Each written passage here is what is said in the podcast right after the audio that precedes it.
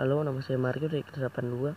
Di sini saya akan mengerjakan tugas pesan suara dari kelas 82. Alat tetap bekerja. Alat tetap bekerja adalah alat memberi nafas yang segar setiap hari. Alat juga yang menjaga kita dari malam hingga pagi. Kenapa alat tetap bekerja? Karena alat itu hidup.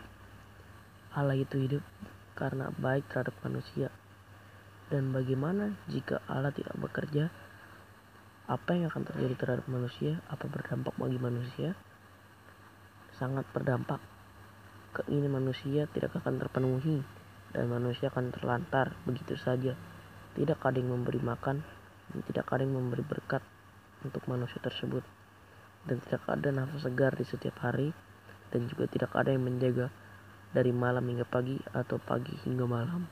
Terima kasih. Halo, nama saya Mario dari kelas 82 ingin membuat tugas agama dari kelas 82 rekam suara. Paulus si penginjil yang sangat gigih. Bisa dibayangkan betapa beratnya pelayanan Paulus untuk menjelaskan firman Tuhan. Dia melewati banyak rintangan dan cobaan, tetapi dia sangat gigih. Akan tetapi Paulus tidak pernah putus asa dan tidak pernah patah semangat.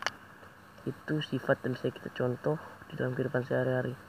Ketika kita dibantai atau diserang, berbagai tugas tetapi kita selalu menyelesaikannya dengan tidak putus asa dan semangat.